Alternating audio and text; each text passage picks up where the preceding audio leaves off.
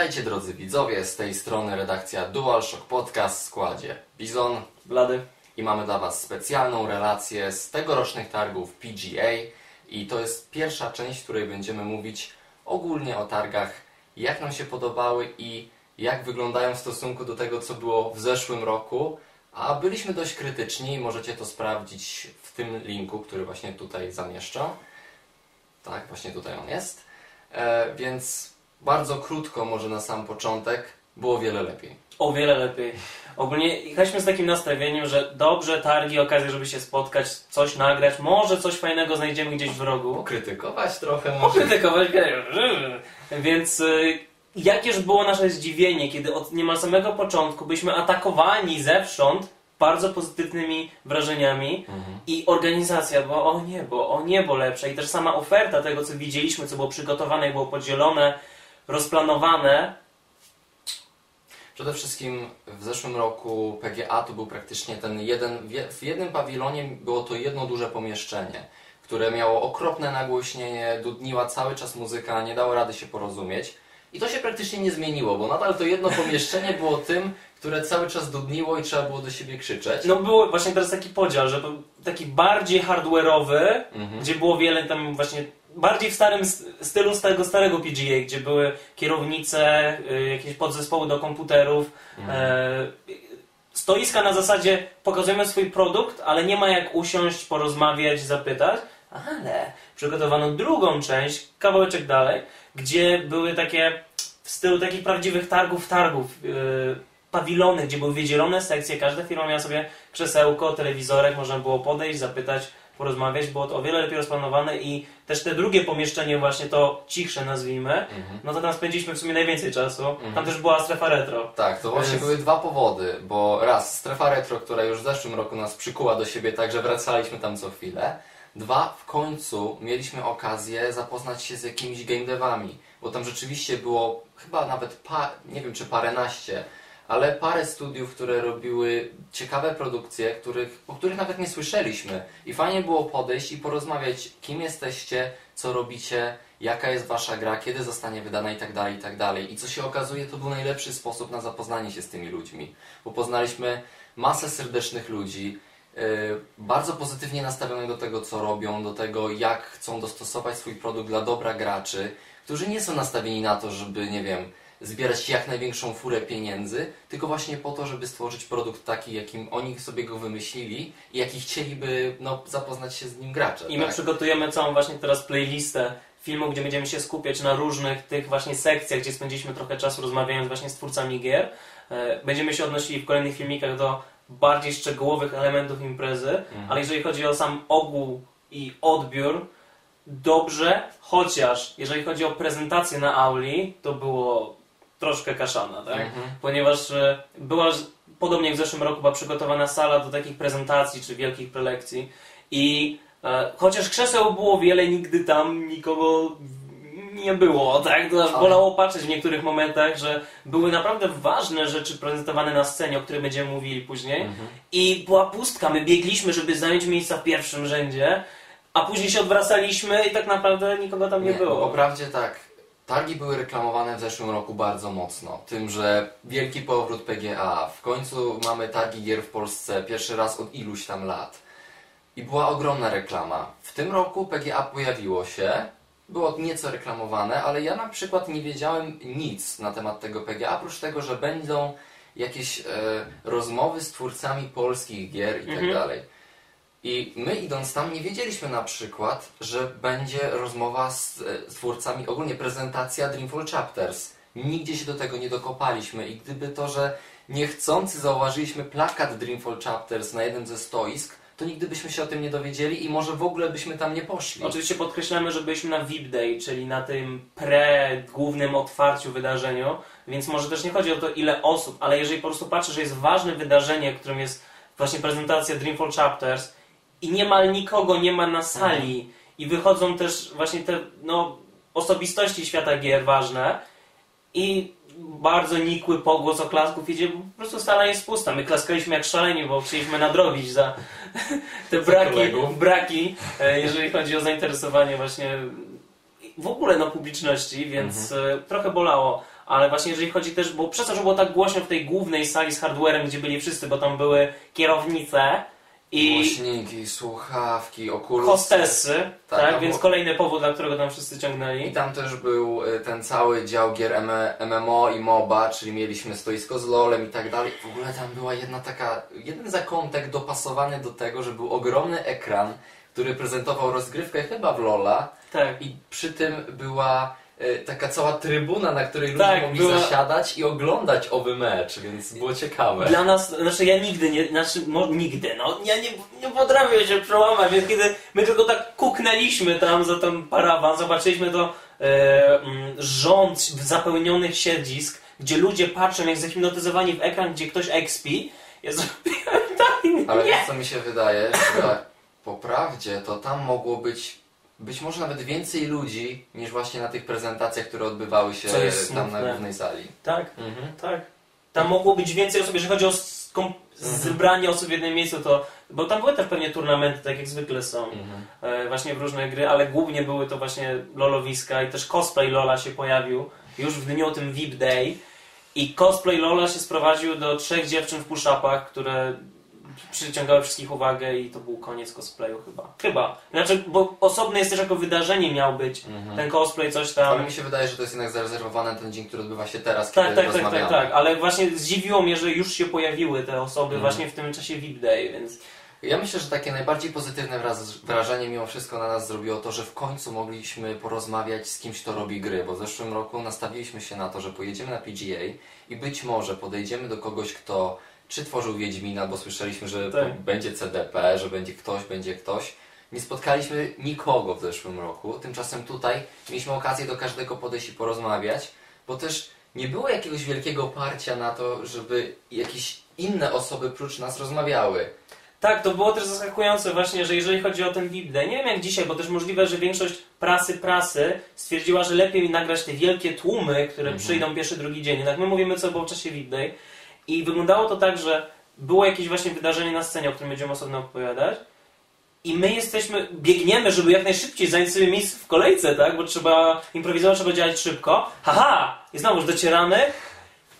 O, udało się nam na czas Jesteśmy sami. jesteśmy sami i nikt oprócz nas nie chce, te, albo podchodzimy do, e, były właśnie, ale to też może jest natura ludzka, że ludzie się boją tak podejść i zagadać po prostu, tak? Że Może. Ludzie może traktowali, bo z jednej strony były te stanowiska z hardware'ami, gdzie były hostessy, które miały wyglądać, one nie są tam po to, żeby e, opowiadać tak o podzespołach i komponentach, E, To ma przyciągnąć Twój produkt, Twoją uwagę i tam były jakieś wystawy z ulotkami, informacjami. W drugim tym cichym miejscu były prezentacje właśnie tych gier indie, były jakieś tam ulotki znowuż i ludzie brali ulotkę i szli dalej na targach edukacji, tak? Brali kolejną broszurkę i szli dalej. A my mówimy, nie, tędy droga.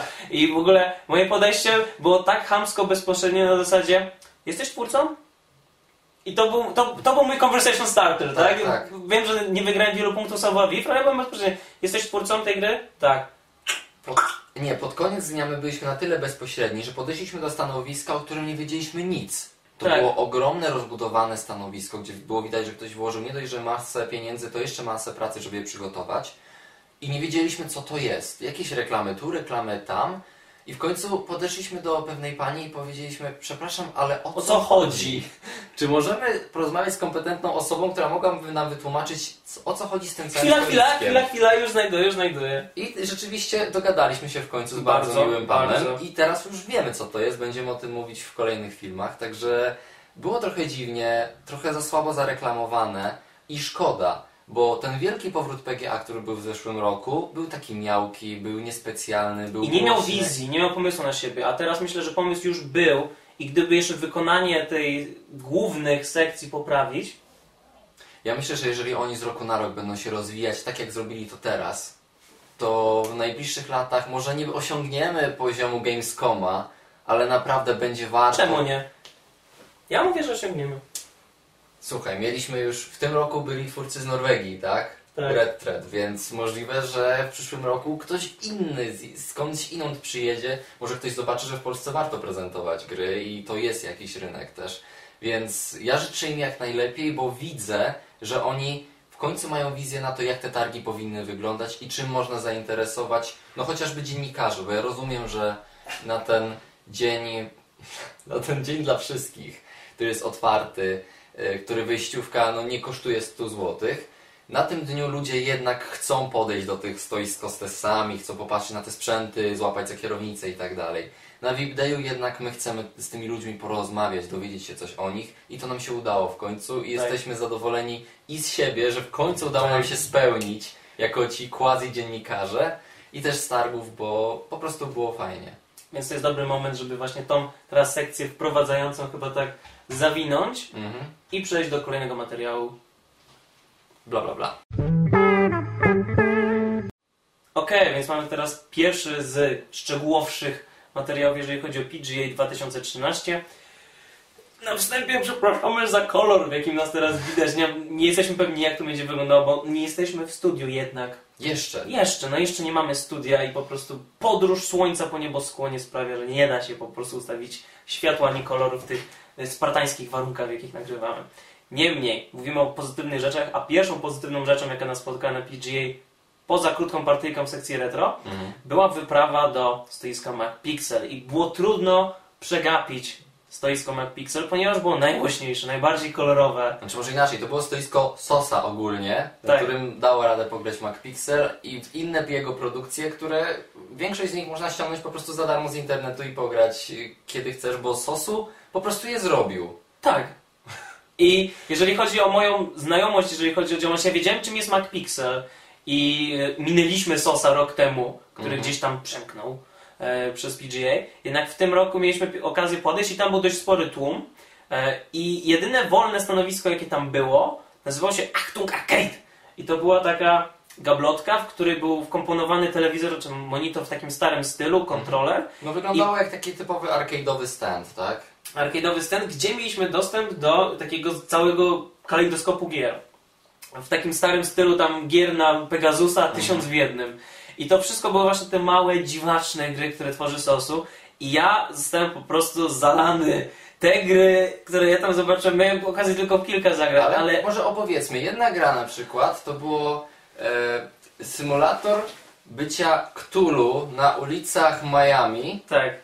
Ja się upieram na to, że to jest Londyn. Próbowałem przekonać Sosa, że to jest Londyn, ale mi nie wierzy. No dobra. więc byliśmy Cthulhu i musieliśmy unikać innych ludzi przez chyba 30 sekund. Znaczy ja myślę, że o to chodziło w tej grze, bo tam nikt nie ma żadnych instrukcji, po prostu gra się włącza i musisz improwizować. I nawet pokażemy filmik z moją przygodą z grą z ninjami, ninja, ninja, ninja taekwondo aikido.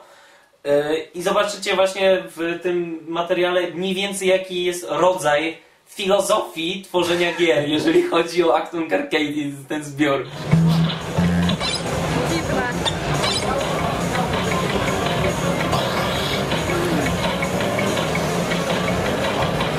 To była najkrótsza gra, w jaką w życiu grałem. Naprawdę, kiedy ja to wchłonąłem naraz i to mnie uderzyło taką falą, ja otrzymałem taką dawkę energii i tak bardzo zrozumiałem, o co chodzi Sosowi w tych grach, że ty mi powiedziałeś, no to zapytaj twórcę. Ja patrzę, pff, faktycznie, jest tuż obok i słuchał, jak krytykuje Jego e, grę. jakiego grę. Dobry początek, tak? E, I mieliśmy na początku problem z komunikacją, bo jeżeli, no co, Jeżeli ktoś rozmawiał kiedykolwiek z Sosem o jego grach, to wie, że to nie jest proste zadanie, jeżeli nie masz odpowiednio rozackiego podejścia. Właśnie ja musiałem odpuścić, bo ja próbowałem zapytać na przykład, co pchnęło cię w tym kierunku, żeby jako inspirację do swojej gry zastosować postać Cthulhu? A on powiedział, czemu nie? No i, I ja wtedy, i wtedy zrozumiałem. Właśnie czemu nie? On powiedział, każda gra z Cthulhu jest lepsza. Bo jeżeli tam byłaby żyrafa, tak, to akurat Tak. to są jego słowa. Jeżeli byłaby żyrafa, to ona by była nudna, bo to tylko żyrafa. Ale, Ale zaproponowałem. Cthulhu na żyrafę, I być może będziemy mieć nową grę od Sosa, to się jeszcze okaże. Ale całe stanowisko było bardzo różnorodne, bo nie dość, że mieliśmy to takie małe stanowisko właśnie z Achtung Arcade, to mieliśmy inne gry Sosa, w których można było, na które można było pograć przy oddzielnych monitorkach. Był MacPixel i nawet Sosu miał u siebie o, y, Oculusa. tak, Oculus Rift I to była nasza pierwsza przygoda z Oculusem. Tak, pierwsza przygoda z Oculusem to było właśnie granie w bardzo nietypowy projekt e, Sosa. To była właśnie gra, która się nazywa Electrous. Tak, ja nawet sprawdzę. Elektreus, przepraszam, Elektreus. E, I ogólnie on powiedział, Elektreus, tak. On- Mamy tutaj taką fajną ulotkę Sosa, właśnie genialna, naprawdę jest świetna. e, może strzelimy skan, zdjęcie, nieważne. E, ogólnie Elektreus to jest gra, w której podróżujemy po mieście Mhm. i w niej o nic nie chodzi, jak w większości gier, no bo Ja się zapytałem od razu, jak tylko założyli okulary, czy ta gra ma cel, a mi ten, ten pan, który mi to założył, powiedział, tam jest koniec. tam jest koniec i ogólnie powiedział, że w tej grze chodzi o to, żeby się zgubić i poczuć nieswojo. I faktycznie, kiedy ubrałem pierwszy raz Oculusa, to było też chyba na tym stanowisku dbali o to, żeby był dobrze wyregulowany, jeżeli chodzi o ostrość. Gdzie indziej to po prostu wtykali to na łeb i... I nawet nie sprawdzali, czy jest dobrze skręcone tak, że masz y, dobry widok, czy coś. U, u Sosa to rzeczywiście było. Było profesjonalnie właśnie osadzeni i też, jeżeli ktoś, znaczy nie wiem ile osób teraz miało okazję używać Oculusa, ogólnie wrażenie to jest tak, że ci zakłada przepaskę na głowę, tak? Mhm. I mówi, i właśnie było f- dobrze przygotowane, to było moje, właśnie jak na pierwszy raz był bardzo delikatny i wyrozumiały pan, powiedział, teraz zakładam ci słuchawki. Mhm. Teraz kładę ci do rąk pad, żebyś mógł. Sterujesz prawą gałką, ja tak. Dziękuję. I po prostu to był dobry, dobry pierwszy kontakt z Oculusem. I sama gra jest fascynująca w swojej prostocie i e, jest ciężko powiedzieć. No ogólnie to jest Dear Esther Na bardziej Proteus. na LSD. Jednak bardziej Proteus, bo w Dear Esther jednak dążysz dokądś, a w, to jest jak Proteus, że po prostu gdzieś idziesz. A ile to jest do tego stopnia, o co ja się nawet nie zorientowałem, bo ja testowałem tego Oculusa jako pierwszy, że jeżeli obrócimy się o 360 stopni, to okazuje się, że na, wokoło nas powtarzają się te same schematy. Ale, ale zmieniają się, bo ogólnie gra jest w konwencji graficznej takiej Tron, Mhm. e, łamane na gry z Commodore, takie, znaczy nie Commodore, jeszcze Amiga chyba, Znaczy, no to są takie, Takie- tak jakby pierwsze podejścia do gier w Pierwsze 3D. podejście gier w 3D, Mhm. w którym miasto wokół nas się tworzy za naszymi plecami. Za każdym razem, kiedy się obracamy, widzimy coś innego. Mhm. I więc ja na przykład obierałem sobie jakiś punkt i na przykład niektórzy ludzie tak nieśmiało tylko patrzyli tak na prawo, na lewo, a głównie sterowali padem. Ja się nie martwiłem, ja się rozglądałem na wszystkie strony, patrzyłem pod stopy, góra, dół. Próbowałem też znaleźć limit Oculusa, jeżeli chodzi o jego zasięg, powiedzmy. Mhm. I e, obierałem sobie jakiś punkt, do niego szedłem, gdzieś się obracałem i szedłem gdzie indziej i nawet się nie orientowałem, że wszystko się wokół mnie zmienia, bo jak on sam powiedział, o to chodzi, żeby się w tym zgubić. Mhm. I na koniec nie, trochę zdradzimy fabułę. Trochę spoiler. Trochę będzie. spoiler, że po pewnym momencie, kiedy już tak się gubimy w tym mieście, nagle niespodziewanie wszystko wokół nas się zaczyna rozpadać, jakby był błąd Matrixa. Naprawdę niezły efekt. E, mówię, że tam jest jeszcze mocny efekt dźwiękowy. Tak, bo tam, kiedy zakładałem ci słuchawki, to było ciężko usłyszeć, bo ogólnie wszędzie na PGA jednak trochę dudniło tą muzyką. A tym bardziej w strefie Indii cały czas było słychać muzykę z MacPixel, zapętloną, która się wbijała w umysł i po prostu gdzieś nie podeszło później porozmawiać z kimś o jego poważnym projekcie, to się słyszało ten tereren, ten tereren, ten ten. Także to było fajne, ale efekty dźwiękowe, y, wielki schiz, w którym się miasto zaczyna wokół nas rozpadać na elementy, zaczynamy spadać kierunku no, betonu, tak? Kończymy swoją podróż, kiedy kamera leci pionowo na asfalt. Ja tam tego nie odczułem aż tak mocno, Mhm. tego uczucia spadania czy głębi, więc dla mnie to po prostu było, aha, bardzo fajny efekt, ciekawa, ciekawa zabawa, ale też mm, na tobie chyba to zrobiło, to też zależy od tego, jak ktoś patrzy, tak? Na przykład Mhm. na mnie inna gra na Oculusa zrobiła wielkie wrażenie, jeżeli chodzi o to, jak mój organizm reagował na te obrazy przed oczami. E, Ty zareagowałeś dość mocno na ten właśnie... Znaczy mi się podobało to, że po raz pierwszy poczułem 3D, w którym coś nie jest po prostu bliżej albo dalej mnie, ale coś ma rzeczywiście głębie. Tak. Tak, jakbym widział tą rzeczywistą bryłę.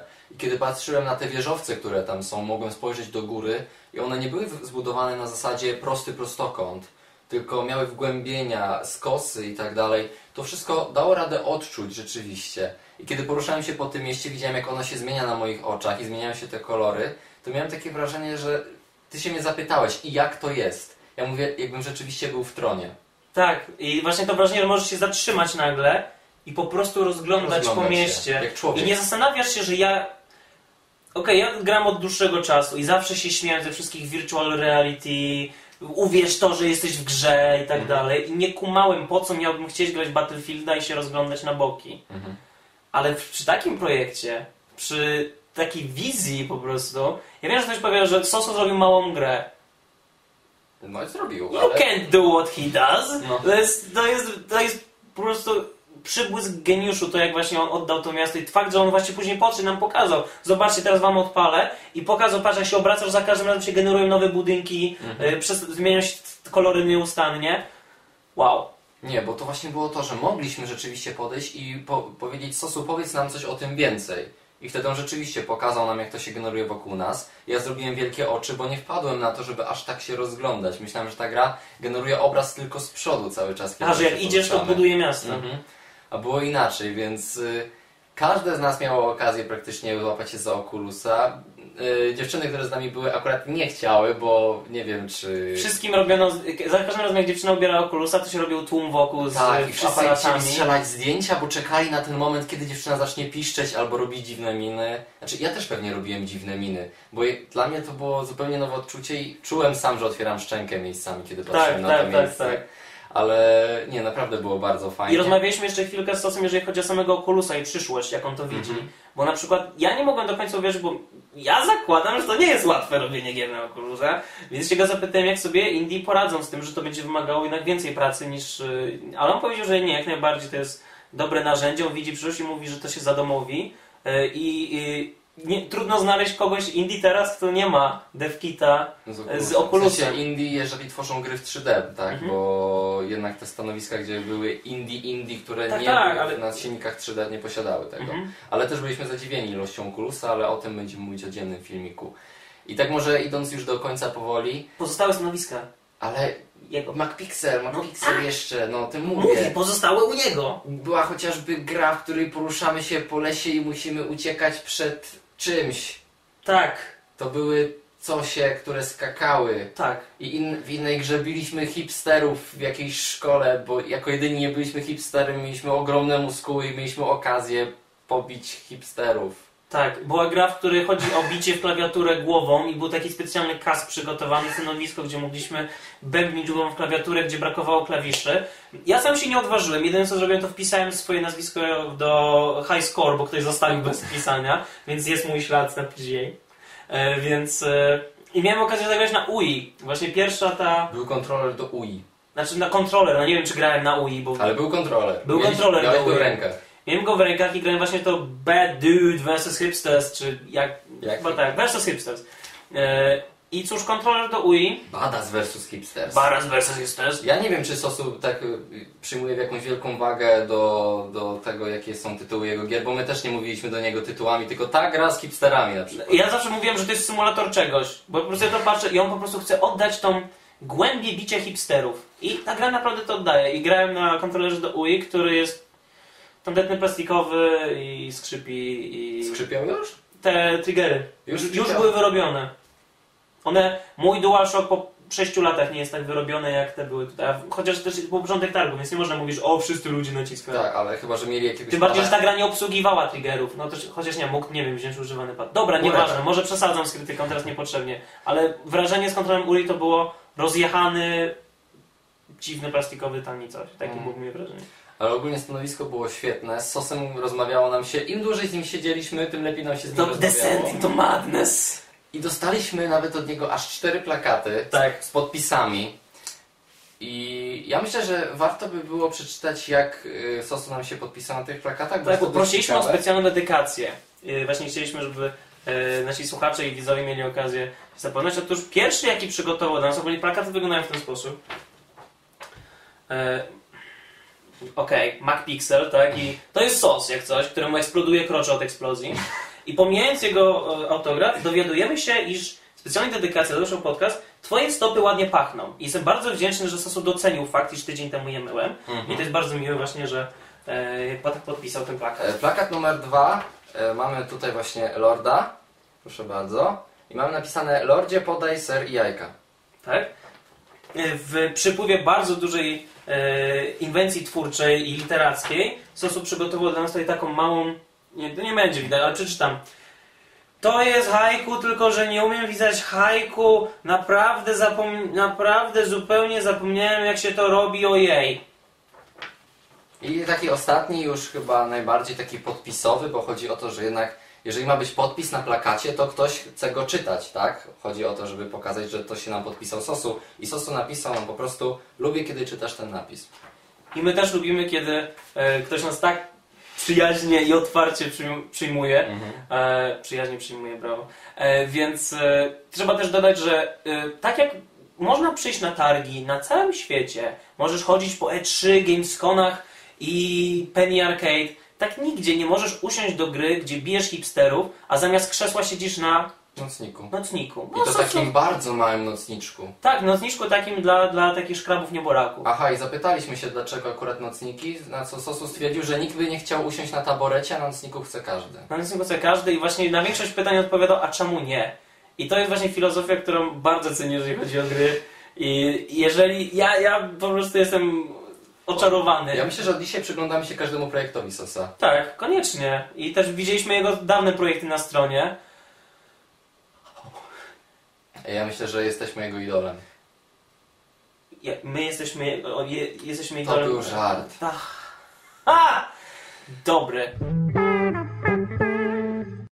Tak więc skoro poświęciliśmy całą jedną część naszej relacji na stanowisko Sosa, przydałoby się jeszcze opowiedzieć o reszcie polskich małych deweloperów niezależnych, którzy tam się pojawili i którzy byli na tyle mili, że pokazali nam swoje gry i chcieli poopowiadać nawet, ja myślę, 10 minut ponad o tych grach. Tak.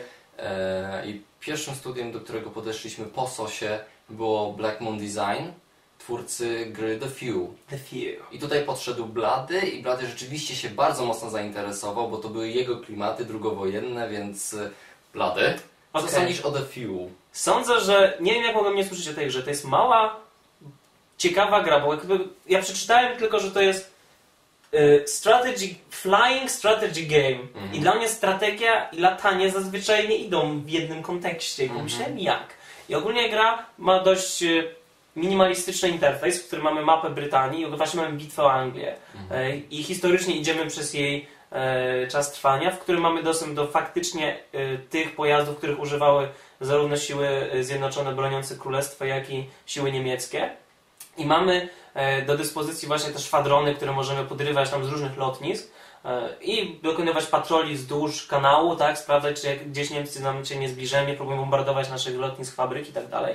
I niemal od razu załapałem zrozumiałem o co im chodzi i na przykład pytałem, ok, czy w takim razie będzie można rozbudować kolejne, będzie można kolejne lotniska robić, czy będzie można rozstawić sieć radarów, tak, będziesz mógł później to rozbudowywać, czy można, czy piloci levelują, żeby mieli większe, tak, zdobywają doświadczenie, e, samoloty tracą paliwo, tak, musisz zawsze dbać, żeby mogli zwrócić, czy jak wyskoczy na spadochronie nad wodą, to zawsze wraca, nie, jak wyląduje na terenie Anglii, to może zawsze bezpiecznie wraca do bazy, ale jeżeli nad wodą, no to nie wiesz, nie masz pewności, jest jakiś tam przelicznik, czy faktycznie ten pilot. Ogólnie gra jak już powiedziałem, jest minimalistyczna, przesuwamy praktycznie pionki e, właśnie nad tą mapą Anglii. Ja myślę, że jest bardzo ładna plastycznie i czytelna przede wszystkim. Jak dla mnie wyglądała w taki sposób, że wydawało mi się, że ja, nie będąc fanem strategii, mógłbym usiąść do tego interfejsu i bardzo szybko go ogarnąć. Więc kiedy widzimy w końcu Niemców, którzy tam zbombardowali lotnisko, zabijając e, e, załogę samolotów, która tam była przygotowana do startu, no to e, właśnie twórca, zresztą przemiły pan, e, powiedział, że okej, w takim razie e, teraz musimy ich pomścić i wysłał właśnie ten swój świeżo poderwany e, z drugiego lotniska e, szwadron, zaatakował tych Niemców, którzy się wycofywali i ogólnie gra wygląda w ten sposób, że dowiadujemy się jaka jest wielkość sił przeciwnika i mamy możliwość zerwania kontaktu albo nawiązania walki. Nawiązał tę walkę, no bo wiadomo, pokazowa. Mhm. E, I mamy mm, najpierw taki widok z bardzo dużego oddalenia, kiedy widzimy w jakim układzie są te samoloty. Mhm, Jak się do siebie zbliżają. I, y, bardzo, I zapytałem się, czy możemy podzielić, bo ja myślałem, że to jest, to jest strategia, że po prostu zaznaczy te jednostki, tak? Kliknie atakuj. Kliknie ataku i one będą na siebie leciały taką wielką chmarą. W grze właśnie ważne jest trzymanie formacji i rozbijanie e, tych swoich właśnie e, no, formacji na, na No. pomniejsze, Mhm. więc pokazujesz, ok, teraz tego lidera przesunę tu i za nim podążają ci. Teraz ci będą lecieli tak, a temu namaluję tak. Właśnie było plastyczne, no po prostu pociągnięciami myszki malował trasę, którą będzie podążał dany samolot. Przypomina to trochę takiego właśnie Total War'a, gdzie masz widok bardzo ogólny całego pola bitwy, tylko że tutaj mamy po prostu powietrze, tak, i samoloty i teraz musimy tak rozporządzać naszymi samolotami, mimo że na przykład nie mamy nigdy przewagi liczebnej, bo w końcu gra nazywa się The Few. I nawet on właśnie bardzo fajnie powiedział, że e, nasz e, oddział może zawsze liczyć tam do Nie wiem, no. 8, no po- powiedział jakąś małą liczbę, a nieco może być do 60, ale cóż, nas było the few. Mhm. Jest e, bardzo Filozofia jest taka, że kiedy Niemcy atakują nas takimi chmarami, musimy rozbijać te swoje formacje i tworzyć na przykład pomniejsze oddziały, które będą zalatywać z drugiej strony i walić Tak. od ogona, więc y, wygląda to, tak jak mówię, plastycznie, wygląda ładnie i można się w tym ładnie zorientować i tak jak ty mówisz, rysujesz taką linię, po której te samoloty mają się poruszać i to No, zobaczycie to zresztą, bo mamy to Będziemy robić, tak, pokażemy jak to wyglądało. E, ogólnie w grze jest e, bardzo ważna funkcja, czyli pauza w każdym momencie, aktywna, kiedy możemy, praktycznie możemy z tej gry zrobić turówkę, Mhm. ponieważ e, mamy pełną kontrolę nad planem walki. Robimy sobie pauzę, patrzymy gdzie są samoloty, malujemy linię, odpalamy, zobaczymy jak Mhm. lecą. Możemy, możemy, tak jak mówiłem, dzielić, że mamy przywódcę, za którym podąża ktoś, ale równie dobrze możemy po prostu on na koniec zaczął tworzyć chmarę po prostu linii, wykresów, żeby każdy samolot podążał innym jakimś tam szlakiem i w końcu, żeby zestrzelić tych wrogów. Dowiedzieć się też na koniec, jakie były nasze straty, ile e, doświadczenia zdobyli dani piloci. Jest w grze możliwość auto zakończenia pojedynku, jednak ona powiedział jest bardziej na takie trywialne walki, kiedy mamy bardzo doświadczonych pilotów Mhm. i na przykład widzimy, że nie wiem, cały nasz szwadron dorwał dwóch Niemców, którzy są Wtedy neptkami. Nie chcemy tracić tych pięciu minut na to, żeby z nimi walczyć, tylko Wtedy możemy auto. użyć opcji auto, żeby Mhm. zobaczyć jaki, jaki byłby wynik według gry. Mhm. E, miałem jedną propozycję, jeżeli chodzi o urozmaicenie gameplayu, bo powiedziałem, co by było, gdyby w czasie gry odpalały się filmiki, na przykład przy zestrzeleniu wrogiego samolotu, archiwalne materiały z tego, ponieważ ja widziałem w internecie jest mnóstwo właśnie filmów public domain, druga wojna światowa właśnie, które były Mhm. tworzone tam dla morale, czyli tam zestrzelony Messerschmitty i tak dalej, i tak dalej, i tak dalej. Więc powiedział, że to bardzo fajny pomysł. Nie wiemy oczywiście, czy przeszło bokiem, czy, Czy- czy siadło na ogon, ale e, myślę, że to byłaby fajna, e, fajna możliwość właśnie w grze takiego dowartościowania gracza, że udało Ci się zestrzelić ten samolot. Mhm. Wiem, że go długo śledziłeś, więc teraz się odpali filmik w nagrodę. Wiesz, nie- niekoniecznie filmik na cały ekran, ale Nie, w. Total, w Total Warach były tak jak ninja kogoś zabijał czy coś i mieliśmy taki mały filmik w Shogunie, to coś takiego byłoby świetne.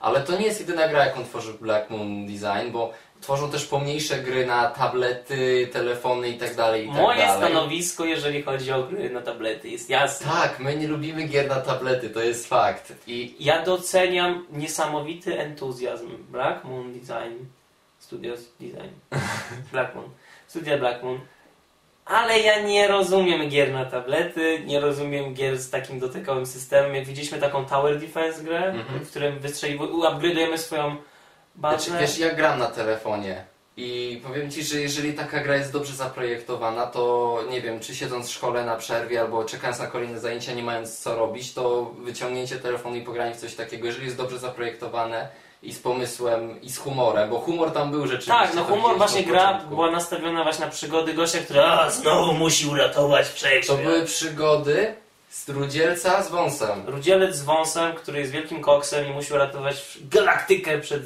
zagrożeniem z kosmosu. Mi to zupełnie nie siadło, bo to nie jest mój klimat absolutnie. Niemniej gra ma różne podtypy, bo ona będzie miała epizody, w którym jeden jest właśnie wzorowany na Tower Defense, jakiś Mhm. bardziej celuje w stronę e, jakiejś platformówki, mamy e, jakieś gry, gdzie zbieramy jakieś e, itemy i tak dalej, więc projekt jest fajnie. Jak mówię, entuzjazm wspaniały, było nam bardzo miło, że poświęcono czas na zaprezentowanie tego jednak po The Few, które naprawdę, zresztą Mhm. widziałeś moją reakcję, tak? Ja po prostu się Ja myślałem, ja myślałem, że on stamtąd nie odejdzie i tak stałem już przy nim, ja już, mi się wydawało, że już wiemy wszystko o tej Ale ja po prostu, ja, ja widziałem te linie, które on które, które rys- rysował i ja, tak, a teraz ten tu, nie?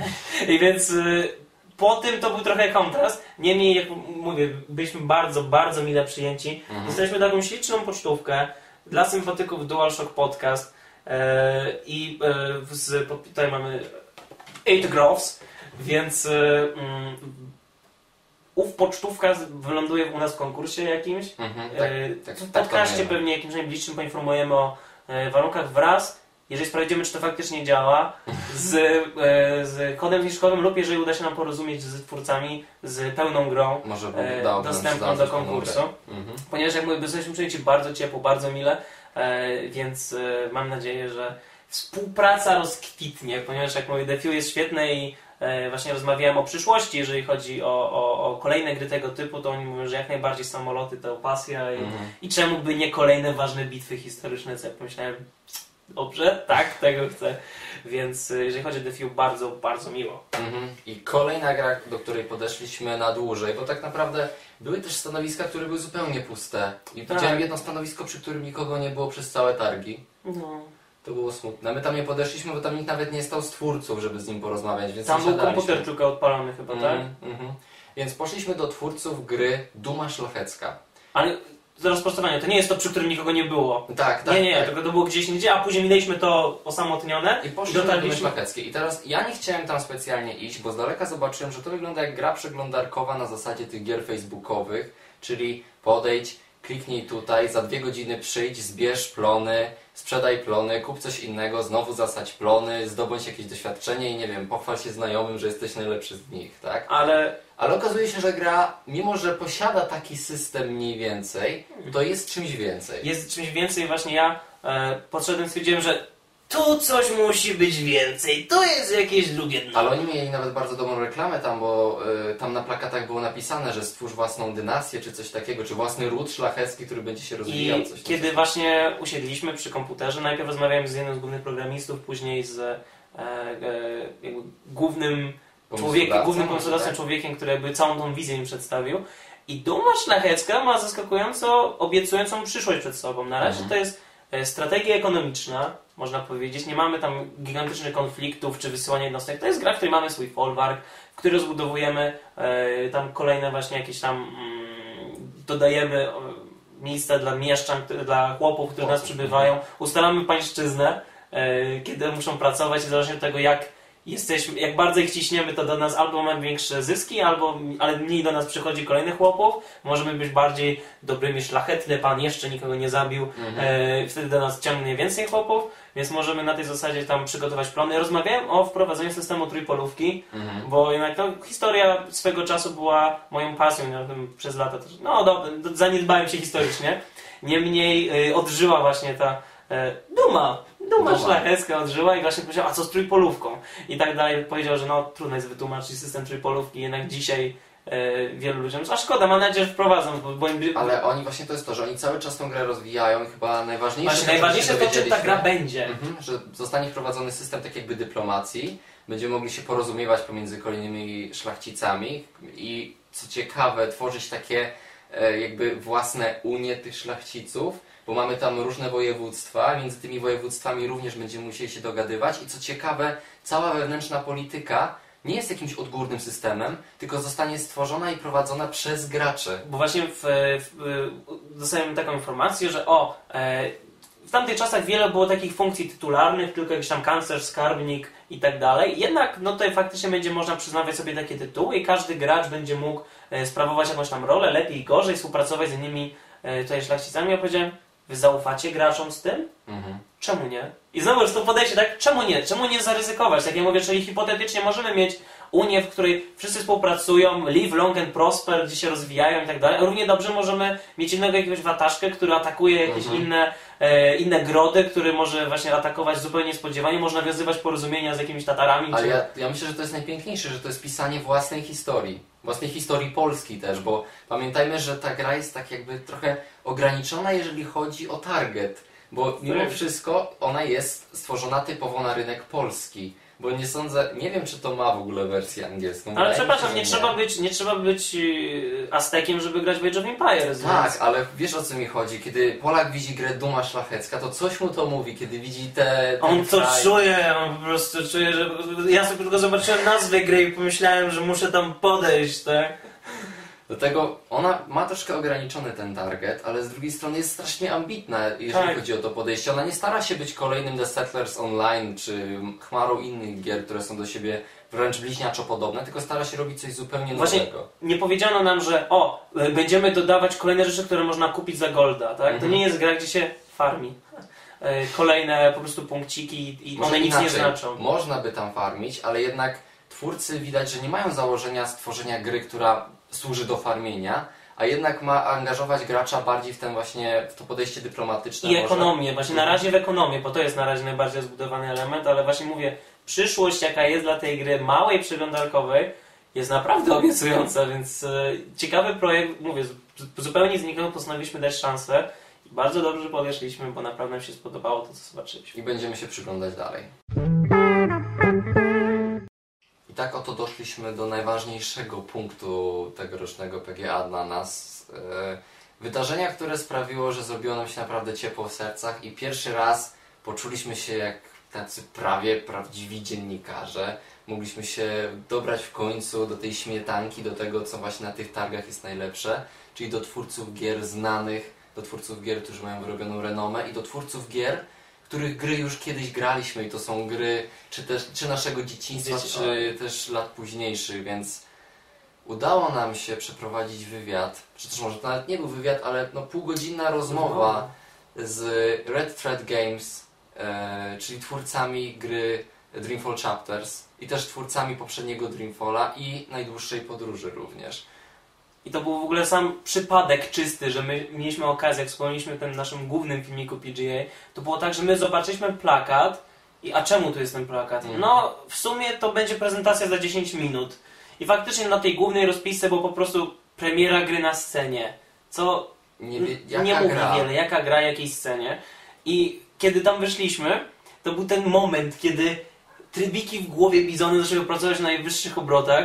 Ja tak, ja go znam. No, ze wszystkich ludzi, którzy są na scenie, zaczął analizować tak, Dopiero kiedy zobaczyłem na scenie tego człowieka, pomyślałem sobie, aha, Dreamfall był tam, teraz będzie prezentacja Dreamfalla, a to jest Ragnar Tornquist. To jest twórca najdłuższej podróży, człowiek, który napisał jedną, bodaj z najpiękniejszych gier, jakie można grać. Na pewno top 10 najlepszych przygodówek, jakie kiedykolwiek powstały. jednej z najważniejszych gier mojego dzieciństwa, więc kiedy Bizon mi potwierdził, że później pokazywał mi zdjęcia w telefonie, że, bo jestem podejrzliwym człowiekiem, pokazał mi zdjęcie, tak Rzeczywiście. Mother of God.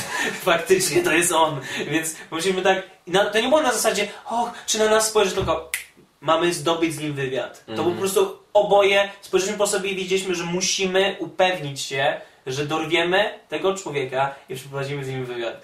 Więc kiedy wszyscy się tam przygotowali na scenie, podłączali jakieś tam mikrofony, yy, światła i tak dalej, ludzie siadali, podtruchtałem pod scenę i tak, excuse me, zapytałem, czy będzie możliwość e, porozmawiania chwilę z, z redakcją.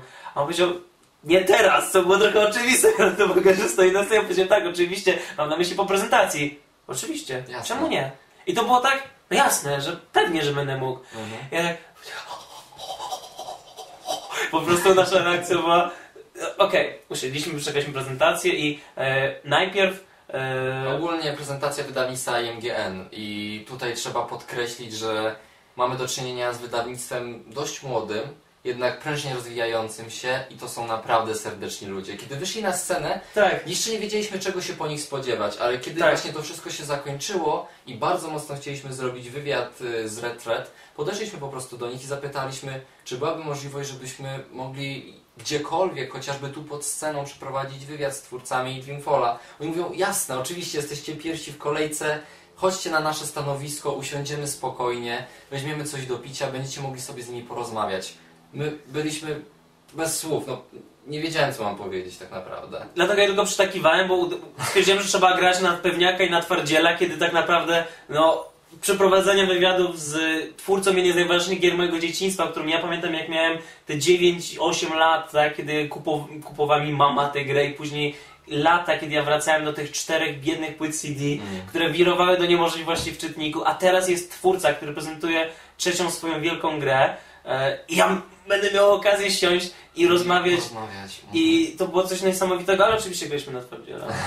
Ale może tak, IMGN był na scenie i nagle jest to wielkie przedstawienie, a teraz wchodzą twórcy Dreamfalla i rzeczywiście e, wchodzi Ragnar Torquist i Doug Sheve, wchodzą, odpalają nam trailer, który już był w sieci, który Tak. nie jest najnowszy i oni tego nie ukrywają, ale po trailerze okazało się, że będziemy mogli obejrzeć jak wygląda gameplay. Tak, I to był też gameplay, który jest już podobno stary, ale którego ja nie widziałem, gdzie widzimy Zoe e, poruszającą się nie po Arkadii, czyli nie po tym magicznym świecie, ale po Stark, czyli świecie naszym, tylko 200 lat w przyszłości. w europejskim takim settingu, bo teraz jest niby miasto, taka ogromna To jest miasto metropolis. pokrywające parę różnych państw, taka, taka po prostu ogromna, przeogromna metropolia i mamy taki lekko Blade Runnerowy klimat. Oczywiście widać, że ta gra jeszcze jest we, we wczesnym stadium produkcji, bo mamy jeszcze cały rok do premiery Dreamfall Chapters. Yy, Niemniej zobaczyliśmy parę e, elementów gameplayu, które wydają się dość ważne, jak chociażby podejmowanie wyborów moralnych Tak. I to jak wygląda interfejs, że poruszamy się Zoe tak dość typowo w trybie trzecioosobowym, ale możemy w każdym momencie wprowadzić na ekran tak jakby taki kursor, który, na który możemy wskazywać rzeczy, na które możemy popatrzeć w świecie, czy też wejść z nimi w interakcję, więc e, sterowanie i ogólnie wygląd gry wygląda bardzo dobrze. Szkoda bardzo, że prezentacja była tak krótka. Była krótka i też nagłośnienie i oświetlenie sceny też sprawiło, że nie można było jakby w pełni dostrzec tych no, jak, jak powiedział Bizon, to jest wczesna wersja gry, niemniej już było widać ten klimat światła, Mhm. miasto, e, więc e, pomyśleliśmy, ok, musimy więcej, musimy wiedzieć więcej o tej grze, musimy, ja chcę wrócić do tego świata, chcę poczuć to, co czułem grając w Longest Journey, czego nie dane mi było odczuć grając w Dreamfall, Mhm. czego też później nie ukrywałem ku różnym reakcjom. Więc e, dotarliśmy do sta- stanowiska mm, i bardzo fajny moment, kiedy właśnie no przemi, ale przemili panowie z IMGN. Mhm. E, IMGN. IMGN, tak właśnie. IM, IMGM. E, ja pomyślałem, że będziemy mieli okazję wejść, uścisnąć może łapkę, po- zapytać o czym jest wasza gra. Dziękuję, buźka, dobranoc, tak? I kolejni będą dziennikarze się tam pchali drzwiami i oknami. Podeszli do nas i zapytali, czy pół godziny wam wystarczy? Tak. Bez, bez, bez w ogóle, w ogóle bizon, Ja się oczy. spodziewałem maksymalnie 5 minut, których my możemy tam wejść, porozmawiać, bardzo fajną grę robicie, bla bla bla, no już musimy się zbierać, może jakiś podpisik, jakiś autografik czy coś. Tymczasem dostaliśmy rzeczywiście pół godziny, e, oni są wyłącznie dla nas, siadamy sobie przy stoliczku, dostajemy wodę, nalewamy sobie wodę do szklaneczek, żeby nam czasem nie zasło w gardle i możemy spokojnie przez pół godziny porozmawiać nie na zasadzie takiego wywiadu typowego, bo my nie mieliśmy czasu przygotować sobie pytań, bo nie zdawaliśmy sobie sprawy, że oni tam w ogóle będą, bo to Tak. nie było reklamowane wcześniej. Więc weszliśmy do takiego twardziela, wymyślając pytania na poczekaniu, ale myślę, że w ciągu tych pół godziny udało nam się uzyskać nieco Wiele informacji. Zaczęliśmy tak rozgrzewkowo opowiadając o polskiej wersji. Właśnie opowiadaliśmy o tym, jak ważne było dla nas to, jak dobrze była najdłuższa podróż spolonizowana i Mhm. właśnie o tym, jak Olszówka świetnie, ale fenomenalnie się wcięła w postaci April.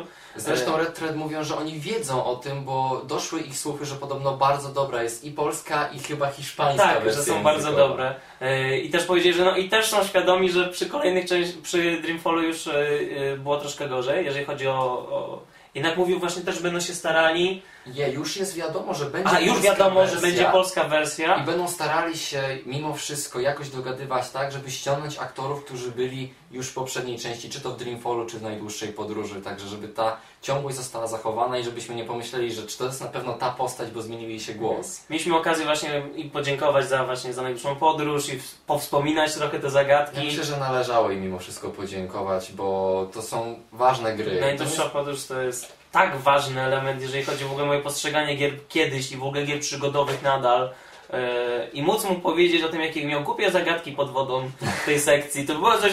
yy, Ja, ja się nie przejmowałem, tak? Znaczy, ja myślę, że my jesteśmy trochę jak Angry Joe. Nam brakuje tej dziennikarskiej etykiety może i nie wiemy, że... Znaczy, może inaczej. My się nie przejmujemy tym, że zadajemy pytania trudne albo nie na miejscu. I po, Tak, i ale nawet nie pytania, rozmawialiśmy i po prostu stwierdziłem, że jest, to było fajne, fajne, fajne, fajne, no ale to była taka trochę kaszana i widać, że był takie troszeczkę zdekonstruowany, ale jakby, wiadomo, oni, oni się przygotowują do rozmów z prasą, tak? Mhm. Oni, to, jest też ich praca odpowiadać na pytania dziennikarzy, więc kiedy trafiają na Dłoży podcast, to się czują trochę zakłopotani, jednak widać było, że mogliśmy porozmawiać właśnie też o innych przygodówkach i o inspiracjach i porównywaliśmy do Syberii, jeżeli chodzi o e, lokacje, żeby zawsze było coś ciekawego, że przygodówce, nawet jeżeli jest ważna eksploracja, podziwianie i czucie klimatu, zawsze musi być coś, żeby przykuć uwagę gracza, że nie mogą być po prostu puste ekrany. Mhm. E, na przykład mówił o tym, że nie będzie elementów platformówkowych, żeby też nie przerywać za bardzo jakby tej, tej zwartości Inaczej, gameplayu. nauczyli się przy poprzednim Dreamfallu, przy pierwszym, że nie należy na siłę wsadzać elementów akcji do gry. I nam też wydawało się, bo to była taka ogólna legenda krążąca od wielu lat, że Dreamfall wyglądał tak jak wyglądał, bo mimo wszystko szedł na Xboxa również i potrzebował nieco akcji, bo gry akcji się lepiej sprzedają i że to był wymóg narzucony wtedy na fankom, żeby mimo wszystko ta gra posiadała jakąś akcję. I Ragnar Tornquist powiedział nam, że wcale tak nie było, że to była ich świadoma decyzja i oni wiedzą, że to nie zagrało i dlatego teraz dostosowują Dreamfall Chapters w taki sposób, żeby bardziej może przypominała tą oryginalną najdłuższą podróż i wywalają najwięcej jak mogą jakichkolwiek elementów związanych z akcją. Tak, zapytałem o na przykład jakieś minigry, bo wspomniałem właśnie o tym, że tych starych przygodówkach były świetne elementy, kiedy na przykład musimy połączyć jakieś kable, albo poprzesuwać jakieś suwaki, albo musimy wprowadzić jakiś kod i mówię, że tak, będą myśleli nad nad właśnie jakimś systemem hakowania, czy e, właśnie jakąś minigierką, która będzie się wpisywała w świat gry, a jednocześnie zagadki będą, takiego nie mówię, że muszą być w klimacie, tak? Że nie mogą być zupełnie z, od, o, znikąd wyciągnięte, tak? Tylko muszą być, e, utrzymać jakby tą konsystencję i tą e, konsystencję. No, tak, z angielskiego. Tak, Bo też mówiliśmy po angielsku i to też było dość trudne dla nas, bo to jednak nie jest nasz pierwszy język i ich też, ale mimo wszystko udało nam się Dogadywaliśmy dogadać się. bardzo, bardzo dobrze.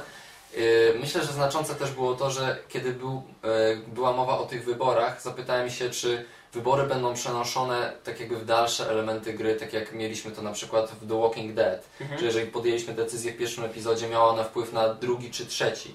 I oni mówią, że rzeczywiście takie decyzje w grze są i może nie będzie to aż tak y, skonstruowane. Niemniej gra jeszcze ma rok, więc pewnie nowe pomysły będą dochodzić. ale też powiedział, że będzie jedno zakończenie. Tak, i pytaliśmy się o ilość zakończeń. Będzie jedno zakończenie i to będzie zakończenie historii Dreamera, czyli Zoe. I nie jest powiedziane, że nie powstanie więcej gier o nowych postaciach na przykład w tym uniwersum. Dla mnie najważniejsze było pytanie o The Longest Journey Home. Home, czyli e, tym odległej wizji projektu, która gdzieś tam się pojawiła, że jeżeli oni na Kickstarterze mieli uzbierać jakiś tam goal, to wtedy na pewno powstanie bardziej gra w klimacie właśnie The Longest Journey, a nie Dreamfalla. Staroszkolny point and click, Staroszkolny point and click, który dodatkowo kontynuuje historię April, co się z nią stało. czyli dla mnie coś co byłoby o wiele ważniejsze niż Mhm. historia Zoi z całym szacunkiem do tej pani.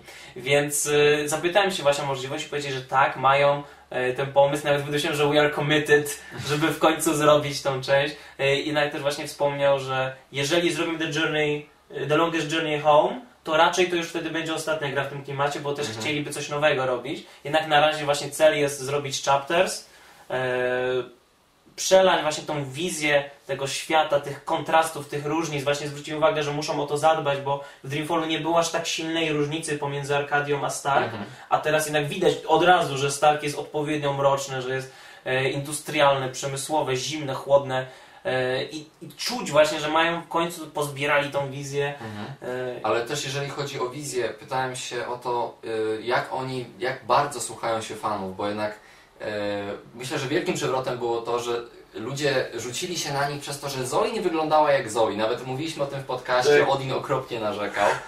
Y, I oni rzeczywiście posłuchali i zmienili model twarzy Zoe na taki, który bardziej przypomina tą Zoe z pierwszego Dreamfalla.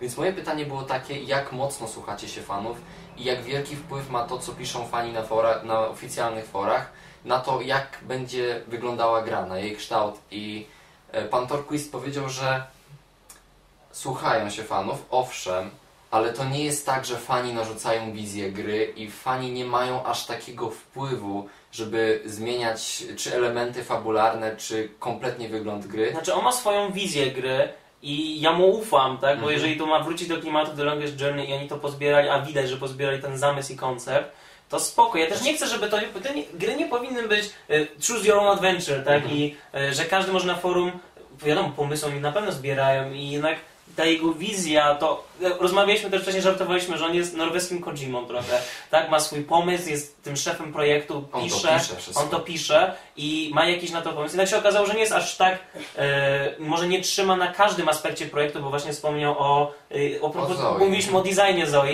to mówi, że no ale przecież jest art director, tak? To nie jest tak, I że on ma jakąś swoją też wizję, on pozwala i on pozwala ludziom właśnie realizować w zespole z ich pomysłu i to jak oni by to chcieli przejąć, więc to nie jest tylko jednoosobowa maszyna, a reszta jest jak nie wiem, w Niewolnicy, cieniu, wiesz? w cieniu niewolnicy. e, Wiadomo, są wielcy twórcy gier, którzy mają taki bardzo powiedzmy dyktatorski system pracy i to czasem działa Mhm. i to są te wielkie nazwiska. Jednak podoba mi się, że on właśnie przyznał, że członkowie zespołu tworzą ten, łączą właśnie te wszystkie pomysły na to, jak to zrobić, żeby stworzyć jak najlepszą w ich y, pojęciu grę i grę, która na pewno będzie do mnie celowała, bo i ten świat i... A, Ale widzisz, też nie baliśmy się powiedzieć, że nie podobało nam się tak do końca to, jaką przemianę przeszła April z najdłuższej podróży do Dreamfalla.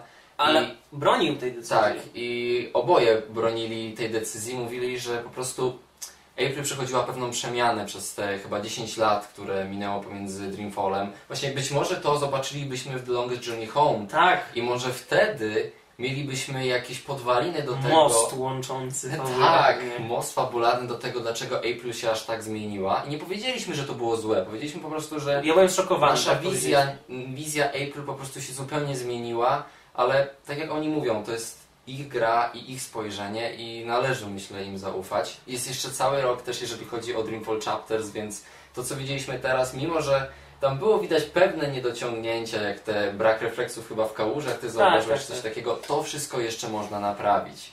Więc y, ogólnie pół godziny rozmowy z twórcami, którzy robili gry ogromnie ważne dla nas i myślę, że dla tych, którzy to oglądają, co najmniej połowa z Was chyba grała albo w Dreamfalla, czy to w najdłuższą podróż, więc to było świetne i na sam koniec dostaliśmy również y, autografy i tutaj poproszę do nas Żabę. Żaba największa fanka. Miałam również okazję osobiście poznać tych twórców moich ulubionych gier i zdobyć te autografy.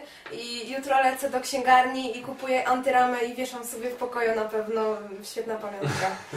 Wszyscy mogliśmy uścisnąć rękę i ja myślę, że to była piękna chwila, kiedy możesz podejść do kogoś, uścisnąć rękę i powiedzieć dziękuję za twoje gry. To było niesamowite przeżycie. Ja nie jestem sentymentalnym człowiekiem, ale ja naprawdę się czułem tak wyjątkowo, wiedząc, że ja kiedyś kupowałem jego grę, mówiąc mamo proszę, a teraz moment, To tak? Nie jeszcze wspomnieliśmy stoi o... Najważniejsze, ja! To jeszcze nie koniec. Ja nie jestem aż tak emocjonalnym człowiekiem, ale no dobra, jestem czasem, ale kiedy już kończyliśmy, dostaliśmy podpisy, napiliśmy się wody, e, przechodziliśmy już tam pomocy, zbieraliśmy, w jakimś przypływie dzikiego bladyzmu pomyślałem, a czy możesz nam, czy mógłby Pan nam włączyć early build? Build ten, który oni pokazali na scenie. I on bez zastanowienia, zawahania powiedział, wiadomo, to jest wczesna wersja kod gry, którego nikt nigdy nie pokazuje tak Mhm. po prostu znikąd, a on otworzył MacBooka, Włączył, tak? odpalił grę, build. podłączył sobie kontrolę do Xboxa i gra. Mhm. I Żabula i Bizon tak patrzą, tutaj krążą, a ja na twardziela patrzy, tak, oglądamy. Ale najśmieszniejsze było to, że on nie poszedł dokładnie tą samą ścieżką, którą my widzieliśmy na prezentacji, tylko zaczął nam pokazywać miasto tak jakby troszkę od drugiej strony i nawet zauważyliśmy, Tak, że właśnie najciekawsza rzecz, no, no dobra, ta kaczuszka, tak? tak, że mieliśmy nawet gdzieś na ścianie jakiś plakat z tą kaczuszką z pierwszego The Longest Journey. Ja myślę, że im się zrobiło ciepło na sercu, Że kiedy my ją wszyscy w trójkę, rozpoznaliśmy. wszyscy Tak. w trójkę nagle ruszyliśmy, to jest ta kaczka z Ale on nawet się tak teatralnie zatrzymał przy tym, bo ja Tak, patrzyłem raz na kontrolę, to to, był był test. test dla nas, czy my poznamy, więc on podszedł do tej ściany, obrócił kamerę tak, żeby było widać, bo tam były różne plakaty. A Chwila się mi ciszy, zrobiło chwila teraz ciepło. ciszy. Y, Chwila ciszy, patrzymy, tam było missing, czy ktoś widział tą kaczuszkę? A my, to jest ta kaczka! Oni tak, tak, kaczka Tak, z jedynki. I teraz najlepsze. Blady się zapytał, czy on może chociażby złapać pada do rąk i przez chwilę pograć. I po, chciałem, po, czy mogę powiedzieć, że grałem w Dreamfall Chapters, tak? Dostałem pada do dłoni i zacząłem chodzić jako Zoe po mieście, otwierać menu i tak dalej. I wtedy Ryan Torquist, twórca najważniejszej gry z mojego dzieciństwa, powiedział Wiesz, że teraz jesteś oficjalnie pierwszym człowiekiem na świecie, spoza naszego studia, który grał w Dreamfall Chapters. Ja myślałem, że się ziemia spode mnie usuje. Po prostu to jest tak niesamowite, że no, rzadko jestem w czymś pierwszy na świecie. Ale to był jeden z tych momentów, z których jestem naprawdę dumny. I e, no nie zrobiliśmy, pokręciłem się po tym placu, oglądaliśmy inwentory i Też nie chcieliśmy, ale też nie chcieliśmy nadużywać y, grzeczności. Zwłaszcza, tak. że my już byliśmy na wyjściu, jak mówię, my już się zbieraliśmy. w progu. Tak, w progę pomyślałem, a czy możesz nam, tylko bo chcieliśmy rzucić okiem, tak? E, naprawdę to było wyjątkowe przeżycie. Ja myślę, że to są niesamowicie mili ludzie i wydaje mi się, że gdybyśmy na przykład pojechali, po, po, po, pojechali czy polecieli do Norwegii i stanęlibyśmy pod ich studiem, zadzwonili do nich, bo mamy ich wizytówki, to pewnie by nas puścili do środka i powiedzieli, słuchajcie, macie tutaj nowy build, może chcecie zobaczyć to. Niemniej nie wiem, czy inni dziennikarze, znaczy inni dziennikarze, pokusili się o to, żeby zapytać ich o to, czy mogą zobaczyć ten wczesny build. Chyba, że sami zaproponowali, bo nie wiem, czy wiecie, tak. ale hej, przed wami goście są pierwszymi, którzy... Tak czy inaczej, świetne przeżycie dla nas. Ogromne doświadczenie też nabyte dzięki temu, bo pierwszy raz przeprowadziliśmy taki no, prawie wywiad z ludźmi, którzy Tak, są... jestem bardzo dumna z chłopaków. Ja widziałam jako ta osoba, która siedziała obok i patrzyła na to wszystko. Oni oboje tak e, do siebie. e, O, i te, no ja byłam w szoku i mi zasychało w gardle od ich rozmowy. I cały czas łapałam się za wodę i widziałam ten szok w oczach y, u twórców, że tak doskonale się dogadali między sobą. Tak. A, A, Wspaniałe przeżycie. Ja już teraz straciłem wszelkie pozory profesjonalizmu, bo samo wspomnienie jest tak cudowne. Ja myślę, że należy jeszcze na sam koniec również podziękować jeszcze raz IMGN Tak, i wszystkim i chłopakom i dziewczynom z firmy, którzy i porobili nam zdjęcia i porozmawiali z nami, są naprawdę serdeczni, oferowali nam pomoc na różnych frontach. I będziemy się, jeżeli wy dostaniecie ten filmik, więc będziemy się z wami nadal kontaktować i myślę, że będziemy trzymać sztamę ze sobą, bo nie spotkaliśmy tak miłych ludzi na całych tych targach i miejmy nadzieję, że będziecie się rozwijać jeszcze bardziej, zbierać jeszcze więcej takich ważnych twórców i może na przyszłym PGA zobaczymy się ponownie. Na pewno się zobaczymy na przyszłych targach. Czas ochłonąć. No i na zakończenie naszej serii filmików o PGA 2013 powiemy o niespodziankach, o rzeczach, które nas może trochę zaskoczyły na tych targach. Prócz tego, co już mówiliśmy w poprzednich filmikach, bo to by jednak było największe zaskoczenie, to był jednak Red Thread, to były inne rzeczy. I na przykład mieliśmy również yy, okazję porozmawiać z twórcą Euro Truck Simulator. Tak, ponieważ... To ty miałeś tą okazję. Tak, y, pan Paweł Mhm. y, był po- w tej samej sekcji, powiedzmy, co Red Red Studios i kiedy skończyliśmy właśnie wywiad z e, twórcami Dreamfalla, podszedłem właśnie porozmawiać o Euro Truck Simulator i o kolejnych ich projektach. E, Przedstawił mniej więcej właśnie te założenia ekspansji, tego właśnie teraz mają pomoc innych studiów i e, chcą budować te kolejne trasy i ten No system oni taki... teraz robią ten symulator, y, gdzie jeździ się po Stanach. Tak, i właśnie mówi, że Stany Zjednoczone, no cóż, to będzie wielki projekt i na razie zaczynają od samej Kalifornii, po której będzie można jeździć. No ale mówi, właśnie już sama zmiana tej lokacji będzie dla nich ważna, bo wiadomo, wielkie drogi, kolory, jasno, słońce, ciepło i tak dalej. Ale też chcą wprowadzić system kontraktów, w którym będzie na przykład taki dispatcher jako szef, który zleca w internecie jakieś kontrakty i ludzie mogą się ich podejmować, jeżeli je wykonają, te trudniejsze, to dostają jakiś wtedy... Yy... Nie powiedziałem Ci tego, to No, się właśnie dowiadujesz. E, na bieżąco właśnie, że będzie można zlecać kontrakty i będzie można stworzyć taką internetową społeczność. Ale tak? to ma sens, jeżeli mówimy o grze, w której przewozimy towary, że możemy... Tak, więc gracze nawet mogą ze sobą konkurować, prawda? Kto wykona jakiś kontrakt najszybciej i ktoś może zlecać coraz trudniejsze i coraz bardziej, coraz bardziej opłacalne kontrakty przez ten system właśnie internetowy, na którym cały czas pracują. Mhm. E, No i oczywiście też cały czas dodają kolejne pojazdy. Rozmawiam, tak to żartowaliśmy, bo chciałem wprowadzić trochę e, polotu do dyskusji o Euro Truck Simulator, więc e, rozmawialiśmy o różnych modach możliwych, czy jakichś zmianach, a mówię, że na przykład e, ludzie proponują, żeby dodali zombie do gry, bo zombie są popularne. I, Przebieź zombie. i się pośmieliśmy właśnie, czy nie wiem, czy ja byłbym kierowcą zombie, czy ja bym rozjeżdżał zombie, a no ogólnie mówi, że no mają też to ograniczenie, że ludzie mówią często o jakichś takich elementach akcji, a jednak firmy, które udzielają e, licencji, nawet nie chcą, żeby w ogóle byli piesi w grze, nie to, że nie można potrącić ludzi, Mhm. to nie chcą w ogóle, żeby było ryzyko, że ich ciężarówka Tak. hipotetycznie w grze mogła... Bo to zawsze jest to, że w tych symulatorach ciężarówek nie ma pieszych, ale teraz już wiemy dlaczego, po prostu nie zgadzają się na to ludzie. Więc Ale to też mi się odpowiada, bo ta gra jest po prostu taka, tam nie ma zagrożenia, tam sobie jedziesz, tam sobie... To jest też wyjątkowy target to też e, do pewnej sekcji, ja wiem, że to jest bardzo popularna gra, mój kolega godzinami potrafi kolejne kontrakty rozbudowywać te swoje, e, e, tą bazę powiedzmy, gdzie masz te pojazdy i kierowców. Rozmawiałem z nim o poziomie trudności, o możliwości dodania wyższego poziomu, e, gdzie byłoby o wiele drożej, jednak e, na razie to nie jest e, planowane, na razie właśnie rozbudowują o te kolejne systemy, no i właśnie ten projekt, ten właśnie internetowej społeczności chyba będzie taki najbardziej dla nich skomplikowany, jednocześnie myślę, że będzie ważnym elementem tej całej struktury. I jednocześnie będzie tak, że ta amerykańska sekcja i ta Eurotrack będą dzieliły ze sobą te systemy, co nie będzie tak, że ktoś się będzie czuł poszkodowany, że gra tylko, e, że wybrałem Amerykan, a ci dostają ten system społeczności, tak? Mają być cross platform, cross continental cross, no, e, możliwości. Więc bardzo mi się miło rozmawiał. Zapytałem też, jaką by chciał stworzyć, bo on opowiadał właśnie, ile to jest pracy i od ilu lat oni to tworzą. To jest małe studio i oni właśnie zdobywają pomoc, gdzie tylko mogą. Mają też ogromną rzeszę fanów. I pytałem o jakie inne gry może tworzyć i właśnie o jakich by chciał stworzyć. I wtedy się fajnie zamyślił. I właśnie powiedział, że kiedyś bardzo lubiłem gry strategiczne, więc pewnie chciał robić strategię. To był taki fajny moment właśnie, kiedy rozmawiam, bo większość wywiadów często zauważyłem jest taka bardzo skupiona na tej jednej grze, a jednak rozmawiamy z człowiekiem, więc chciałem to z nim porozmawiać o grach, którą kiedyś grał i e, bardzo, bardzo miły, bardzo miła rozmowa i będę mile wspominał właśnie, jeżeli chodzi o to podejście. Usiedliśmy sobie na spokojnie, uściśliśmy dłonie i, i bardzo miłe i znikąd nie podejrzewam, wchodząc tam stwierdziłem, że o, Eurotrack Simulator gdzieś tam w rogu, tak? A jednak bardzo, bardzo miłe przeżycie. Widzisz, tutaj mówiłeś, że rozmawiałeś z człowiekiem, który robi gry już od dłuższego czasu, ma pewną już wyrobioną renomę. I z drugiej strony mówiliśmy w poprzednich y, filmikach, że rozmawialiśmy z twórcami typowo indie, którzy sami tworzą te gry, zbierają budżety itd., itd. Ale znaleźliśmy coś dziwnego. To było jak monolit z tego, z Odysei Kosmicznej 2001. Po prostu wychodzimy za róg i nagle pom pom pom pom to, to wyłania się ogromne stanowisko. Mhm. Szare, czyste, Bardzo modern. bardzo modern, zadbane z taka Takie futuri- puf, y, drogie skórzane pufy, telewizory plazmowe, e, wszystko zaprojektowane, jakieś szyldy, banery wiszące, piękne hostesy. i nazwa Darkstork Studios. I my robimy takie papa?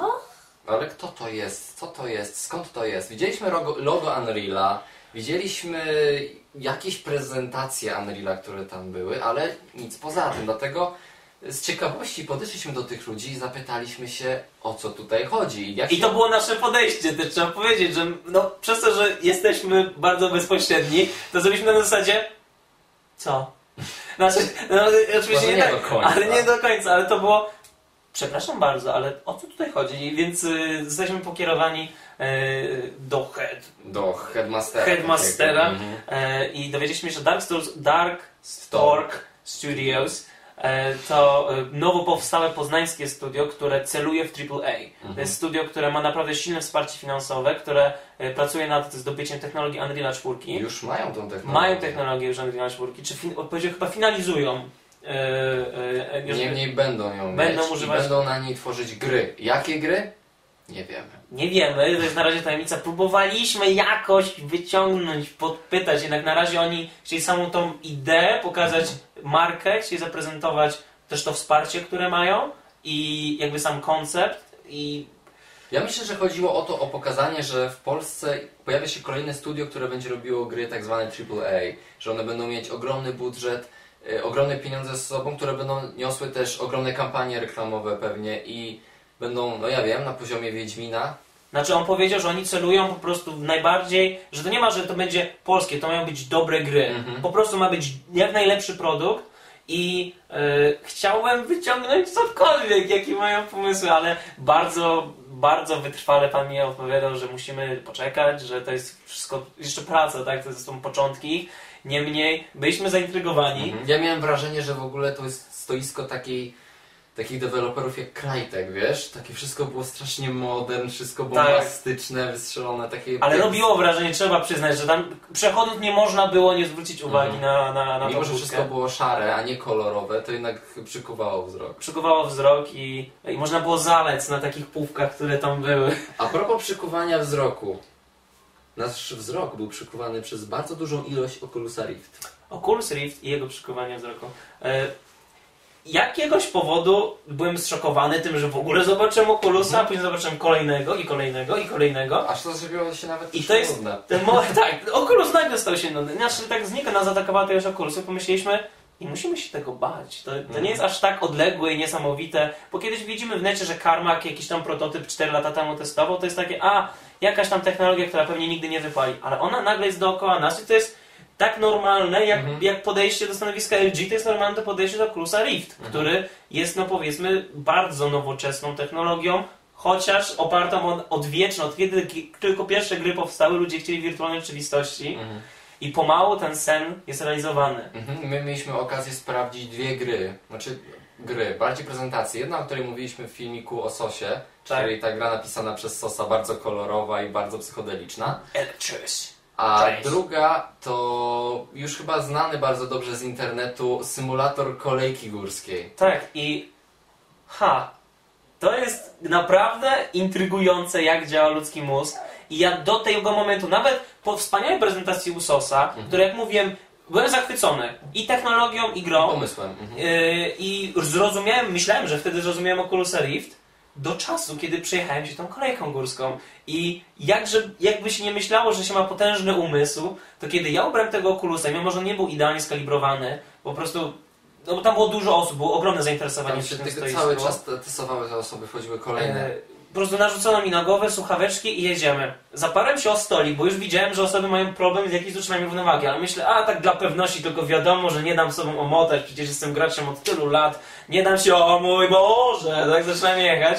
E, widok z tej kolejki jest tak sugestywny, kiedy się zaczynamy rozglądać, Mimo niskiej rozdzielczości. mimo niskiej rozdzielczości gry, to e, początkowo czułem takie miłe mrowienie na karku, kiedy ona sobie jechała, miałem ten dźwięk stukotu Dźwięk dużo robi. Tak. Mhm. I rozglądałem się dookoła, czułem pewną głębię, czułem, że jestem w tym magicznym świecie, bo to był taki pseudo, troszkę komiksowy, taki e, przerysowany Taki średniowiecze, zamek. taki magiczny Mhm. zamek. Do momentu, kiedy e, kolejka dojeżdża do takiego pionowego spodu w dół. Ja jeździłem na kolejkach górskich i uwielbiam kolejki górskie, nawet te bardzo duże. Kiedy ja spojrzałem w dół, grając, to całe moje ciało się przygotowało na upadek. Mhm. Mój mózg się dał w 100% okłamać, że ja tam jestem. Nabrałeś powietrza w płuca. Ja nabrałem powietrza w płuce, złapałem się, ja aż wbiłem się w ten stolik, który był przede mną i czułem jak całe ciało się przygotowuje na upadek. To było coś tak niesamowitego. Jest moment, kiedy kolejka zjeżdża i robi zakręt i mimo, że ja stałem w miejscu, do- dookoła mnie chodziły setki osób, a ja miałem kawałek plastiku na głowie, to ja czułem jak moje organy się przygotowują na kolejne zakręty. To było coś tak niesamowitego. Widzisz, na mnie nie zrobiło wrażenia ani, znaczy okej, zrobiło wrażenie też to, kiedy podjechałem już na sam szczyt i zacząłem zjeżdżać na dół, ale jakoś jeszcze tak ostro na to nie zareagowałem, jak do momentu, gdzie w pewnym momencie te tory się urywają i przez chwilę wyskakujemy w powietrze i taką parabolą spadamy i wpadamy na kolejne tory. Wtedy miałem takie wrażenie, jakby nagle zatrzymała się winda. Wyskakujesz w powietrze i nagle twoje organy w środku tak jakby podskoczyły i zatrzymały się w górze. Ale co jest niedorzeczne, bo przecież fizycznie nie, nie poruszasz Stoisz. się, po prostu, ale mózg się daje oszukać do tego stopnia, że reguluje ciśnienie, którego nie potrzebuje, nie ja wiem. myślę, że dobrze by było, gdyby oni mieli tam takie barierki, których można by się było Naprawdę, naprawdę, bo też wrażenie było niesamowite. A z drugiej strony obok na stoisku była kobieta, która darła się w niebogłosy. Tak, i wszyscy mieli z niej oczywiście wyjątkową y, frajdę, patrząc na to, jak ona po prostu piszczała, bo aż, bo mój, to było naprawdę sugestywne. I Ja musiałem ze sobą walczyć, żeby się nie przewrócić tam w ogóle. Tak mocno dałem się porwać przez Mhm. Oculusa Rift. Więc nie to- myślałem, że kiedykolwiek powiem to zdanie. Więc ta ja technologia działa, tylko wiesz, my teraz mamy takie bardziej prezentacje i to była prezentacja dość statyczna, bo siedziałeś w jednym miejscu. Jestem, jestem w jednym miejscu, nie musiałem nic robić, ja byłem tylko obserwatorem, Mhm. ale jeden moment. Ile tam, 3 minuty miałem to na głowie? Krócej chyba nawet. Kiedy ja zdjąłem tego okulusa, ja się nie, nie najlepiej czułem. Za, zakręciło mi się w głowie. Ale to ty, bo Tak, ja nie tak. miałem z tym No żadnego mówię, problemu. na mnie wyjątkowo mocno zadziałało to, to przeżycie, bo nie wiem, dałem się ponieść po prostu chwili, czy też zmęczenia, że w tym momencie już bierzemy wszystko, co widzę. Ale y, zakręciło mi się w głowie, miałem chwilę problem z utrzymaniem równowagi i nie wiem, czy to była kwestia samej technologii, że miałem to prosto w oczy wyświetlone Mhm. tak intensywnie, czy same te zakręty i po prostu to, Tak, tak, to tak. przeżycie Że tych... nagle z ciągłego pędu, zakrętów, skoków, opadów i podjeżdżania do góry masz Tak, tak jakby ktoś mi obraz. za- zasłonił oczy, tak, i mnie zakręcił w ciuciu babkę. Mhm. Więc, y, no, ale naprawdę, wyjątkowe przeżycie i moment, kiedy pomyślałem, to jest naprawdę ciekawa technologia Mhm. i jestem ciekaw, co z tym zrobią. I teraz się odniesiemy, bo zapomnieliśmy o tym wspomnieć, to co mówił Sosu, jeżeli chodzi o Oculus. A po co jest Oculus? To jest wszystko test. Do Half-Life'a trójki, na pewno. Nie ma innej odpowiedzi. Nie, Tak, no, Sosu, że- Sosu twierdzi, że Oculus pojawi się i będzie zadomowi się na dobre, kiedy pojawi się Half-Life, bo Half-Life 3 będzie stworzony pod Oculusa, więc przynajmniej jakaś teoria to taka jest. teoria spiskowa, zobaczymy jak będzie naprawdę. Niemniej zdziwienie, e, jeżeli Zdziwienie, chodzi o technologię. Ale też y, pozytywne zaskoczenie mimo I wszystko. teraz zobaczcie, jakie ci zrobię przejście. Bo to była prosta jazda na jakiejś kolejce górskiej, Mhm. w okropnej rozdzielczości i grafice, ale co z tego przeżycie było wspaniałe. Później mieliśmy okazję zagrać w grę, która wygląda, brzmi i o której mówiliśmy bardzo w superlatywach. Je, o milimetr mi się organ żaden nie przesunął grając w nią i nie poczułem absolutnie niczego Czy mówisz o Dying Light? grając w Dying Light. Mhm. I też to wielkie zaskoczenie było, że na stoisku Steel Series e, mieliśmy okazję, też dzięki temu, że znaleźliśmy tam swojego kolegę z DualShocka, pozdrawiamy Grabczasa, mieliśmy okazję pograć w grywalną wersję Dying Light. Bardzo wczesny build, to jest praktycznie to, co widzieliśmy Tak, tak, niedawno, tak, ta sekcja. tylko jeszcze bardziej okrojona, bo tam były takie, no, widoczne nawet ściany z takiej czerwonej kratki, kiedy po prostu dochodziliśmy do momentu, gdzie lokacja się kończy, nie możemy iść dalej. I No wiesz, prezentacja była bardzo ładna, jak Mhm. ktoś to robił bardzo dynamicznie, ale kiedy gracz łapie za tego pada, to nie dość, że ja bym poprawił sterowanie, bo wciskanie gałki do środka, żeby sprintować, to nie W jest grze, gdzie cały czas chcesz sprintować. Tak, to nie jest zbyt wygodne. Yy, walka tą bronią białą przypomina w 100% Dead Island. Tak, ja zwróciłem na to uwagę, że już oglądając filmiki, te pierwsze, miałem wrażenie, że to chyba jest takie same wrażenie jak w Dead, I- Dead Island. Dead Island? Jednak kiedy grałem w Dying Light, jest chyba nawet jeszcze gorzej, bo ja mam wrażenie, że kiedy robię zamach tym toporem, To nic nie waży. to on nic nie waży, go nie ma w odległości ode mnie, nie ma żadnego impetu. Przecież nawet stary sz- Mhm. tam walka FPP, czuło się ten impet, czuło się ten ruch, czuło się kiedy to ostrze łączyło w, w kark przeciwnika, a tutaj ja robię, psz, to był taki laserowy bzyk, kiedy po prostu idealnie poziomo Przechodziło. przechodziła linia, która nagle odcięła głowę zombiakowi. To było takie... Aha. Też, ale też nie mieliśmy specjalnie na co patrzeć, bo też założenia gry są wiele głębsze, tak? Mamy tą porę nocy i tak dalej, i tak dalej. Tu mieliśmy po prostu, byliśmy rzuceni w tą jakąś osadę w dzień, mogliśmy poskakać chwilę po budynkach. Też byłem zaskoczony, że nie udało mi się raz przeskoczyć z budynku na budynek, bo ktoś postawił między budynkami palmę i wskoczyłem w liście, i akurat Blady na to patrzył, bo mówi do niego, patrz co teraz zrobię. Bo on się czekał na wielki filmowy skok, a ja tak podchodzę i tak... Jedziesz, Bizon. No, Skoczyłem, no, zatrzymałem się na liściu i liść okazał się nie- niewidzialną ścianą, i spadłem. kiedy postać po prostu poleciała i cały ten impet był pum, i po prostu pionowo Ale spadł. na chwilę się zatrzymałem na tym liściu i spadłem. No bo gra pomyśl, chciała ci dać chwilę, żebyś podziwiał ten liść, bo to Mhm. był ładny liść, gra jest naprawdę śliczna. O, jest śliczny. Ale pamiętajmy, to jest wczesny build, tak? Niemniej po tych wszystkich przeżyciach związanych z całym tym PGA, kiedy poszliśmy na Dying Light, ja myślałem, że to będzie takie podsumowanie. Zupełnie nowa gra, gra nowogeneracyjna przecież. Aha. I taki troszkę mech. Troszkę mech, ale też właśnie biorąc pod uwagę te wszystkie ale, tak, że graliśmy bardzo wczesny build, bardzo krótko. Bardzo ograniczony, jeżeli chodzi o lokacje też. Tak, i też sami się nie stymulowaliśmy za bardzo do próbowania wszystkich możliwości, bo wiemy, że tam jest walka maile, ślizgi, skoki, wykopy. Tam był długi ucieczki. tutorial, który ja przeskoczyłem, żeby Tak, no grać. bo każdy gra miał timer, tak? Sześć minut chyba 6 graliśmy. minut, czy nie wiem, podzieliliśmy się jakoś po 3.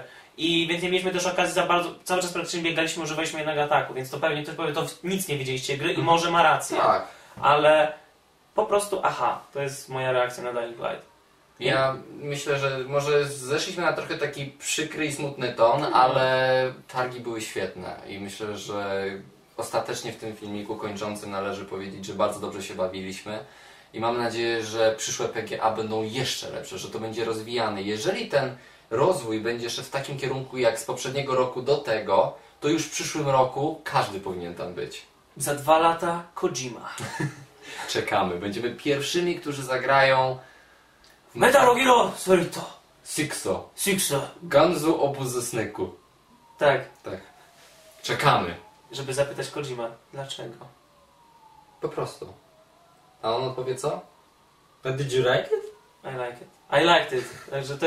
Aż, profesjonalnie. Blaszek Podcast. Blaszek Podcast.